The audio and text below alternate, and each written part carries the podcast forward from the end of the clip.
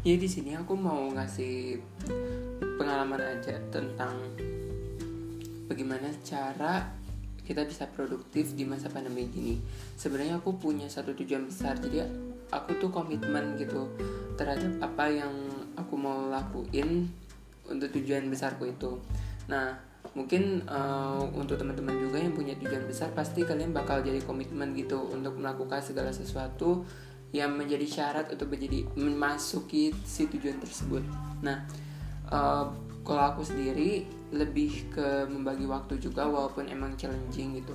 Tapi untuk melakukan segala tugas dan kegiatan organisasi lomba segala macamnya itu itu aku butuh satu-satu untuk mengurusinya dan di sini aku tetap bisa untuk lakukan me time aku terus juga untuk uh, keluarga untuk hal-hal yang mungkin itu menjadi sesuatu yang apa ya mungkin invisible gitu untuk orang-orang yang ya pasti jenuh gitu kan macam-macam orang untuk ngelakuinnya. Misalkan dengan mendengarkan lagu atau mungkin dengan menulis blog segala macam itu tergantung kalian. Yang penting hobi kalian tetap tersalurkan walaupun kalian juga bakal sibuk tapi daripada kalian jenuh kan apalagi di sini uh, kita juga minimalisir keluar rumah gitu.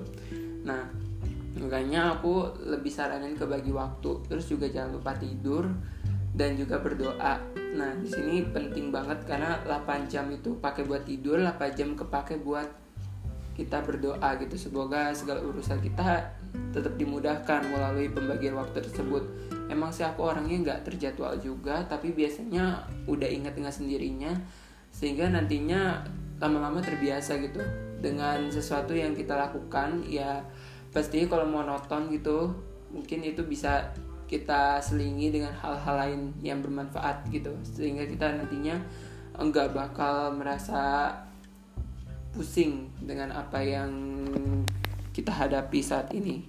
Kayak gitu guys itu mungkin sekian dari aku. Semoga bermanfaat untuk teman-teman semuanya.